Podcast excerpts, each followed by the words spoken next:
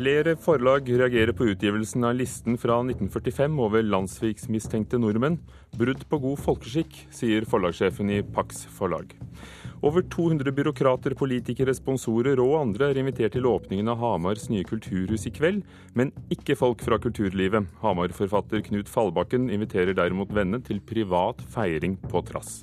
Og Fredagspanelet samles i Kulturnytt og diskuterer etikk, vikinger og Melodi Grand Prix her i Nyhetsmorgen med Hugo Fermariello i studio.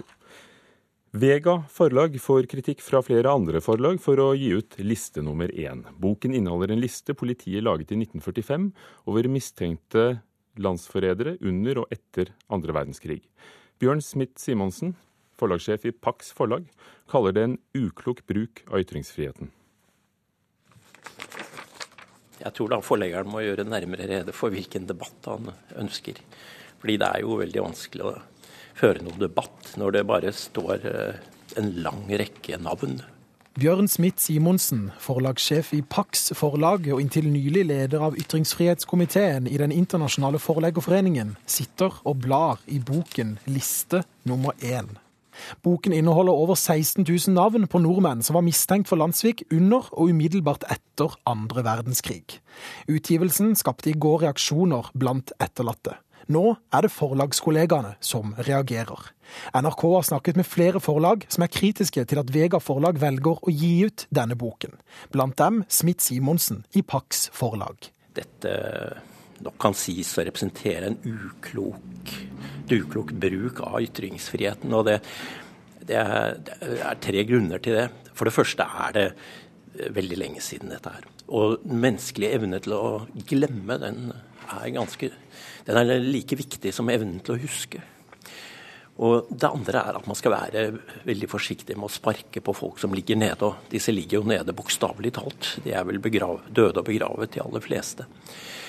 Men tredje er det for så vidt det mest alvorlige brudd på god folkeskikk som jeg ser her. Og det er at man angriper folk som er helt ute av stand til å forsvare seg selv.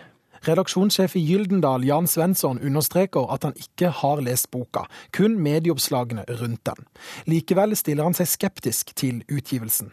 Der sitter etterlatte og gjør seg skyldige, som eh, hvor navnene til foreldrene blir spredd, og så er det ikke engang sikkert at eh, vedkommende har eh, gjort noe galt. Så det er jo det som gjør det litt ja, i hvert fall i grenseland i forhold til hva man bør drive på med. da. Finn Jørgen Solberg er forlagssjef i Vega forlag, som gir ut boken.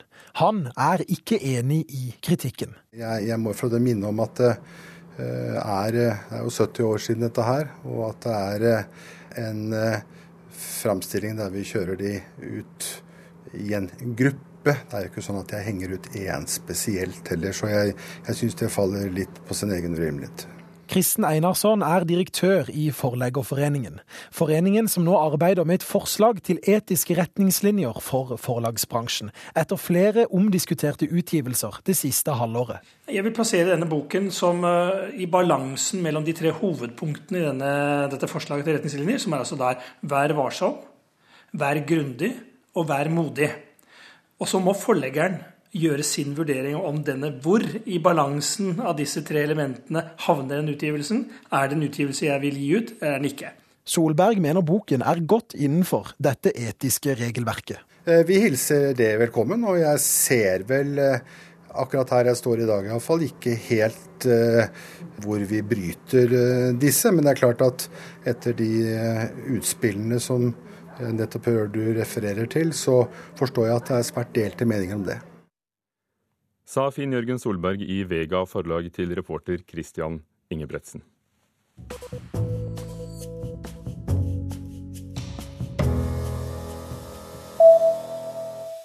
Flere av naboene på Sørbråten i Hole kommune i Buskerud kaller det planlagte nasjonale minnestedet etter 22.07.2011 for en voldtekt av naturen. En protestgruppe på nettstedet Facebook har på under en uke fått 600 medlemmer. Her gir flere uttrykk for at vinnerutkastet er det de kaller en retraumatisering av dem som var uskyldige vitner til tragedien 22.07. Det er planlagt å lage et snitt i fjellet og dermed lage en kanal mot en odde der ofrenes navn skal risses inn i skjæringen. Og du kan lese mer om saken på nrk.no. Hal Douglas. Never before has the reality of the ultimate sacrifice hit so close to home.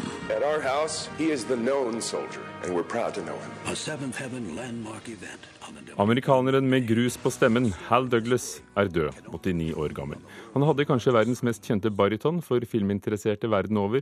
Stemmen har eh, de fleste hørt i kinomørket mange ganger på flere tusenvis av filmtrailere.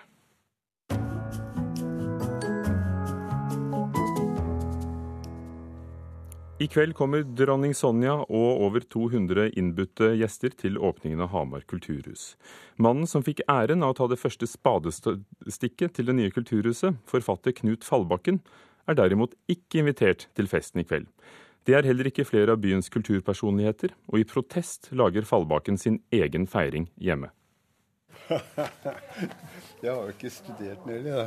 Knut Fallbakken studerer gjestelista til åpningsshowet i Hamar kulturhus i kveld. Blant de inviterte gjestene er det en lang rekke kommunale byråkrater, politikere fra Hamar og nabokommunene, stortingspolitikere, tidligere prosjektledere, sponsorer og andre. Det er jo en spektakulær utelatelse av aktive kulturarbeidere på den lista. Det, jo, det flommer jo med politikere, og delvis politikere som ikke har hatt noe, noe med dette her å gjøre i det hele tatt. Vi har på en måte prøvd å holde gjestelista på et lavest mulig, lavest mulig nivå. Sier kultursjef Terje Halvorsen i Hamar kommune, som har vært med å lage gjestelista. Eh, og så er det en del folk som har formelle roller. Og så har kommunen en del samarbeidspartnere som har vært på ulike måter med å støtte opp under huset. Da har eh, kanskje en del av eh, kulturpersonligheter osv. i Hamar ikke blitt med på den, eh, den gjestelista. Hurra for ungdommen! Knut Fallbakken tok det første spadestikket på kulturhustomta. Som lokalpolitiker hadde han i mange år kjempet for et nytt kulturhus. Men til åpningen i kveld ble ikke Hamars kjente kulturpersonlighet funnet verdig en invitasjon. Når jeg ser på den lista, så, er det fylkes, fylkespolitikere og tidligere ordførere i, i, i, hopetall. Og da lurer jeg på altså Det er jo et kulturhus. Det, det må jo være interessant å knytte til seg kulturarbeidere som er aktive i feltet òg.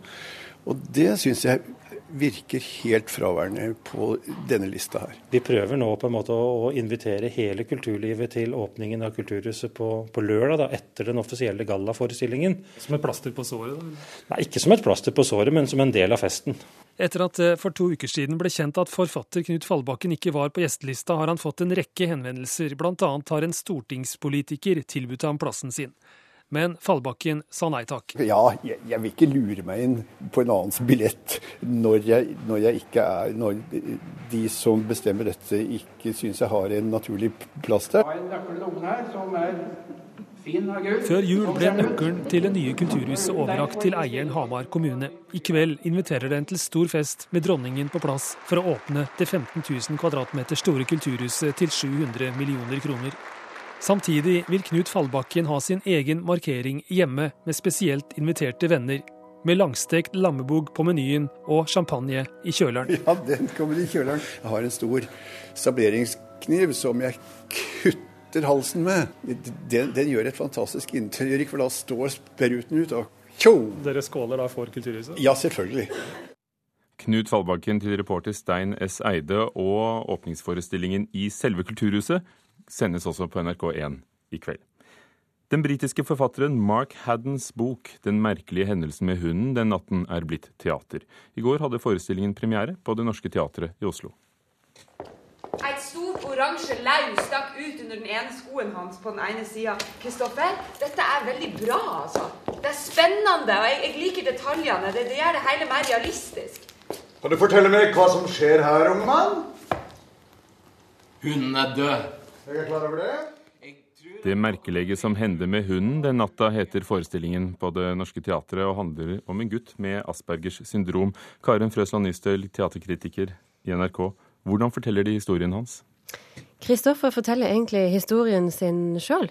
I romanen så, så, er jo det en fortelling som han sjøl skriver og forteller. Hans bok 'Kristoffer er jeg-fortelleren'. Og på teatret så er denne boka med. Vi hørte her læreren hans som sier at det er bra, dette her. Det, det, det, gjør det mer realistisk, måten du skildrer det på. Hun sikter til boka hans som, som blir teater, samtidig som det er en bok som han forteller fra underveis. Um, det som er gjort fint akkurat der, det er at uh, det ikke bare er Kristoffer som forteller, men bl.a. læreren som bryter inn og tar over hans fortelling. Men det er likevel hans, det er likevel 15 år gamle Kristoffer som forteller om uh, mordet på hunden den natta, og alt han avdekker i kjølvannet av dette, av mørke hemmeligheter i egen familie. Det at han har Aspergers syndrom, hvilken rolle spiller det? Det, det, har jo veldig mye Det, det er jo hele forestillinga. Han, han bruker ikke språket på samme måte som verden rundt han, f.eks. Språklige bilder, metaforer, ironi, det, det, fungerer ikke som språk for han. Mens verden rundt han bruker jo disse virkemidlene. De snakker sånn. Så, så det er en sånn konflikt bare i måten de snakker med hverandre på.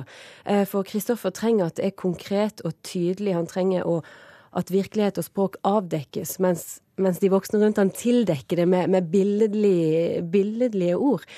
Uh, så og så er det jo selvfølgelig da hovedrolleinnehaver Emil Johnsen som, som, spiller denne 15 år gamle Kristoffer, som gjør en fantastisk jobb, som syns jeg, som klarer å klarer å, å, finne noen emosjoner der òg hos Kristoffer, som han klarer å uttrykke selv om han har de begrensningene som han har. Dette begynte som roman, nå er det teater. Eh, fungerer det på scenen? Ja, det syns jeg det gjør, og det har veldig veldig mye å gjøre med nettopp Emil Johnsen, som er førstefiolinist, eller som bærer alt. Han bærer hele forestillinga. De andre skuespillerne, selv om det er et godt team, så, så er de eh, korister eh, i, hans, i, hans, fortelling. Um, det er veldig sterkt å se på, det, men det må jeg si, og det er litt viktig at det, at det er ikke en forestilling om Aspergers syndrom. Det er en forestilling om hvordan verden rundt forholder seg til Kristoffer, som har de behovene som han har. Det handler om om skjøre mennesker, uansett om, om, man har et syndrom eller ikke. Verden rundt Kristoffer består ikke av mennesker som er perfekte på noe vis. De sliter, de klarer ikke å møte hverandre eller han på en god måte. Det, det handler egentlig bare om å være menneske med de utgangspunktene som vi har.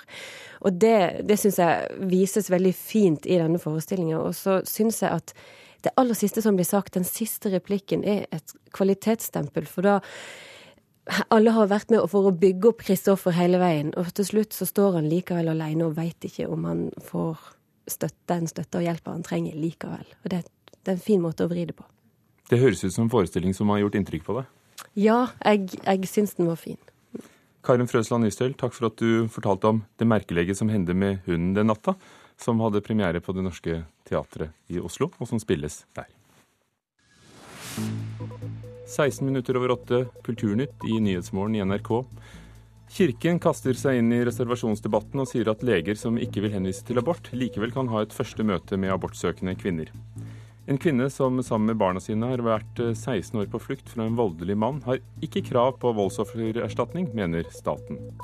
Den milde vinteren har gitt svært lave strømpriser, og de vil holde seg lenge. Og dette er overskriftene i nyhetene i dag.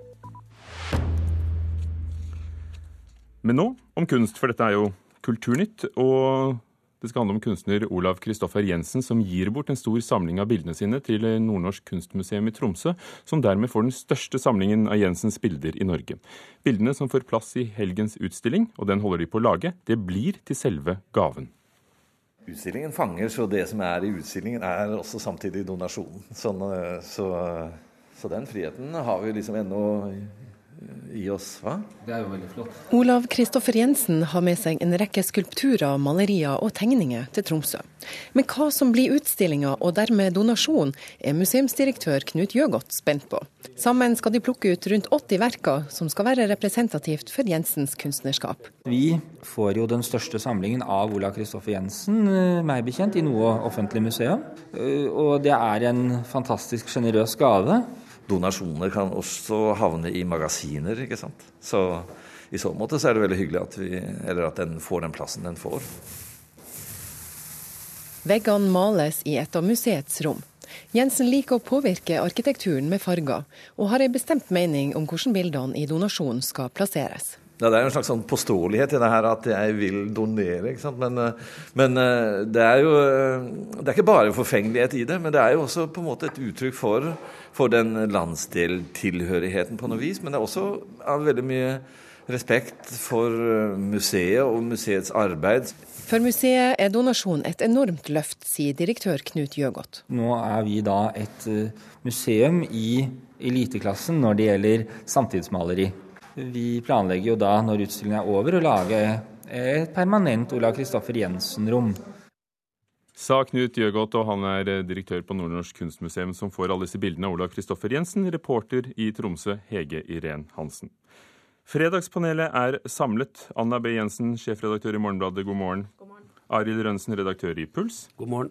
Og forlegger Arve Juritzen. Klientellet til med et riktig god morgen.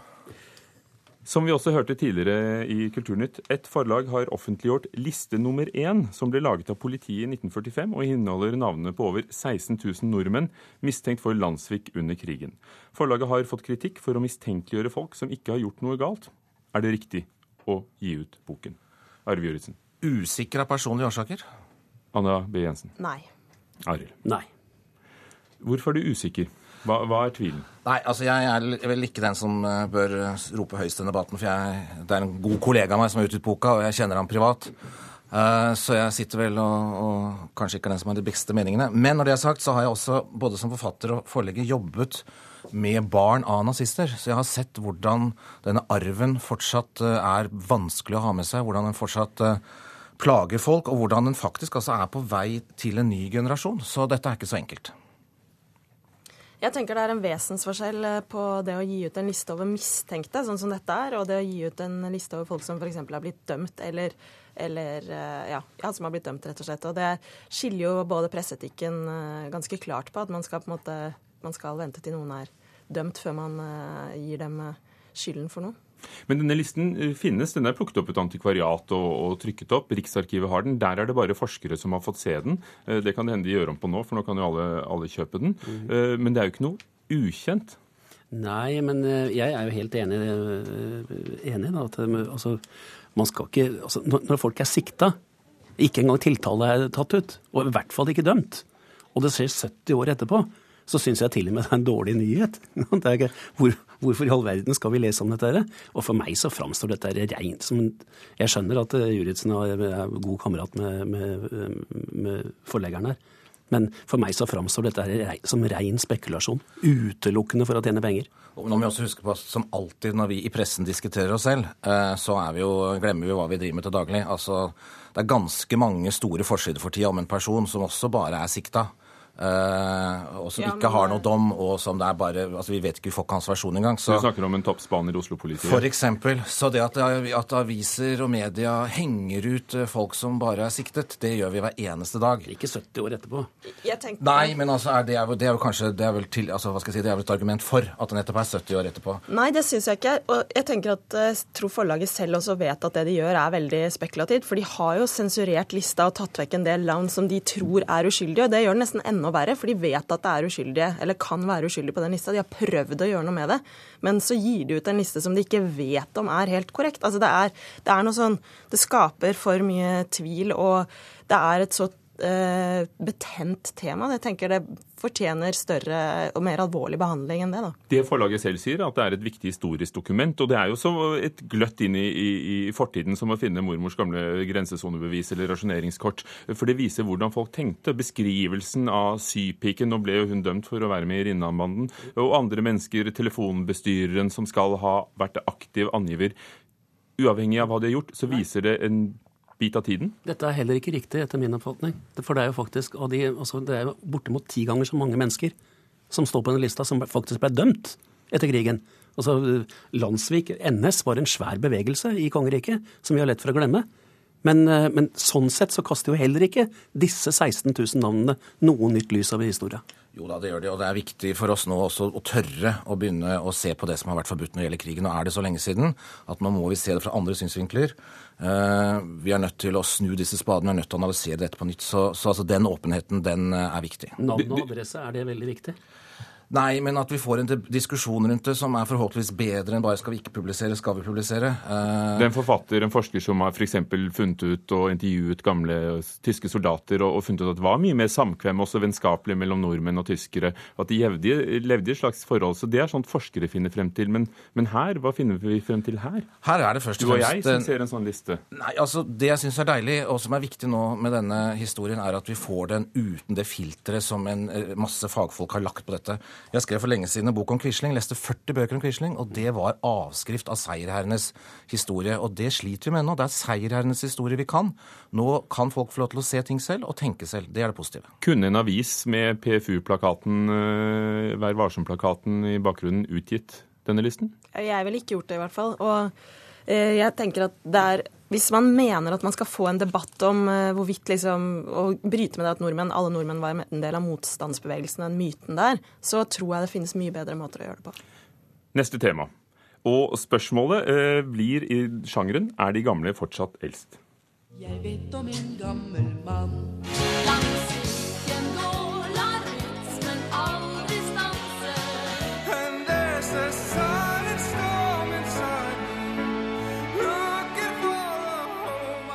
Etter siste helgs tre delfinaler i Melodi Grand Prix er de ni norske finalistene klare, men forestillingene gikk for halvtomme saler, og NRK har fått kritikk for å ha plukket ut uetablerte og ukjente artister.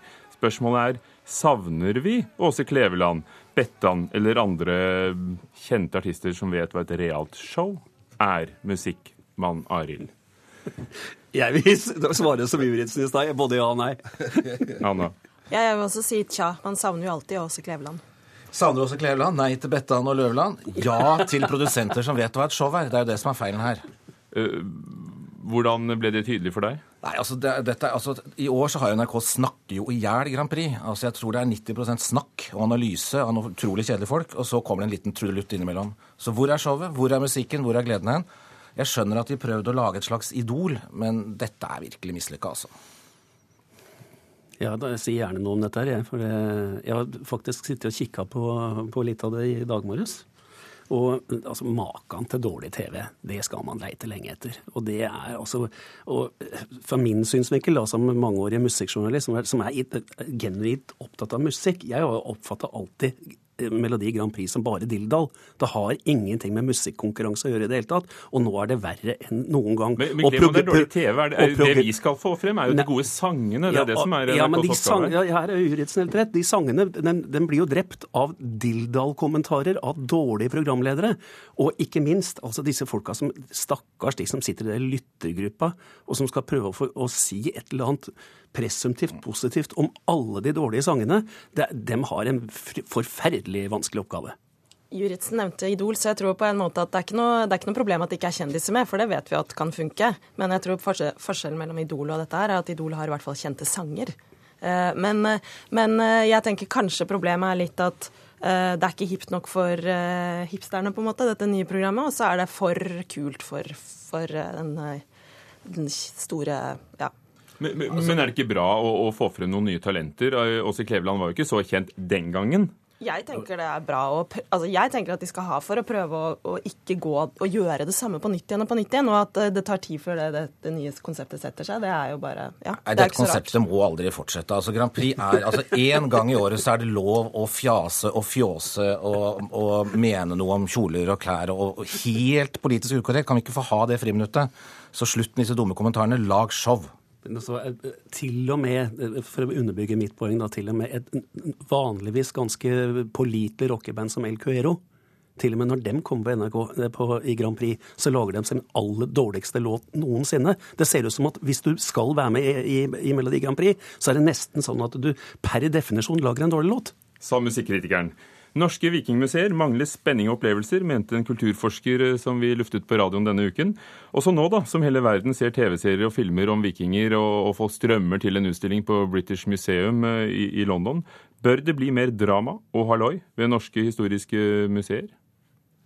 Ja. Nei. Ja og fort. Hvorfor det?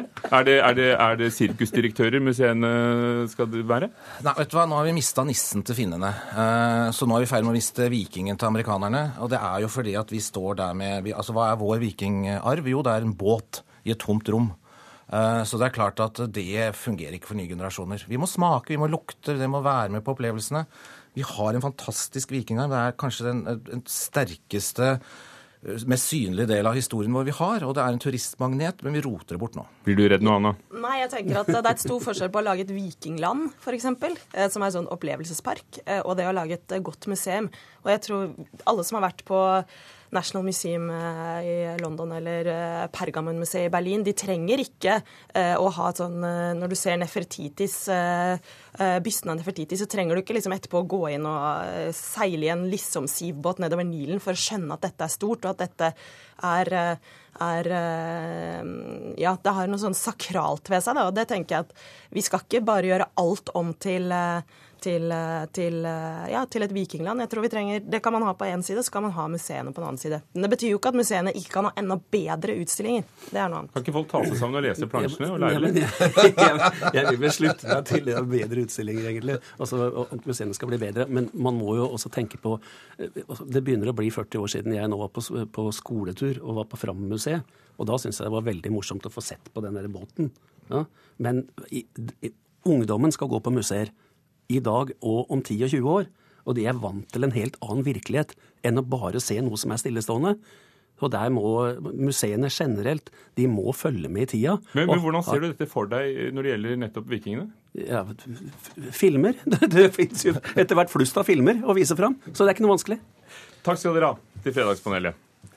Arve Juritzen, Arild Rønsen og Anna B. Jensen som eh, deltok eh, her i Kulturnytt i dag. Som var ved Halvor Haugen, produsent, Hilde Tosterud, teknisk ansvarlig, Ugo Fermariello, programleder. Dette er Nyhetsmorgen. Klokken er straks halv ni.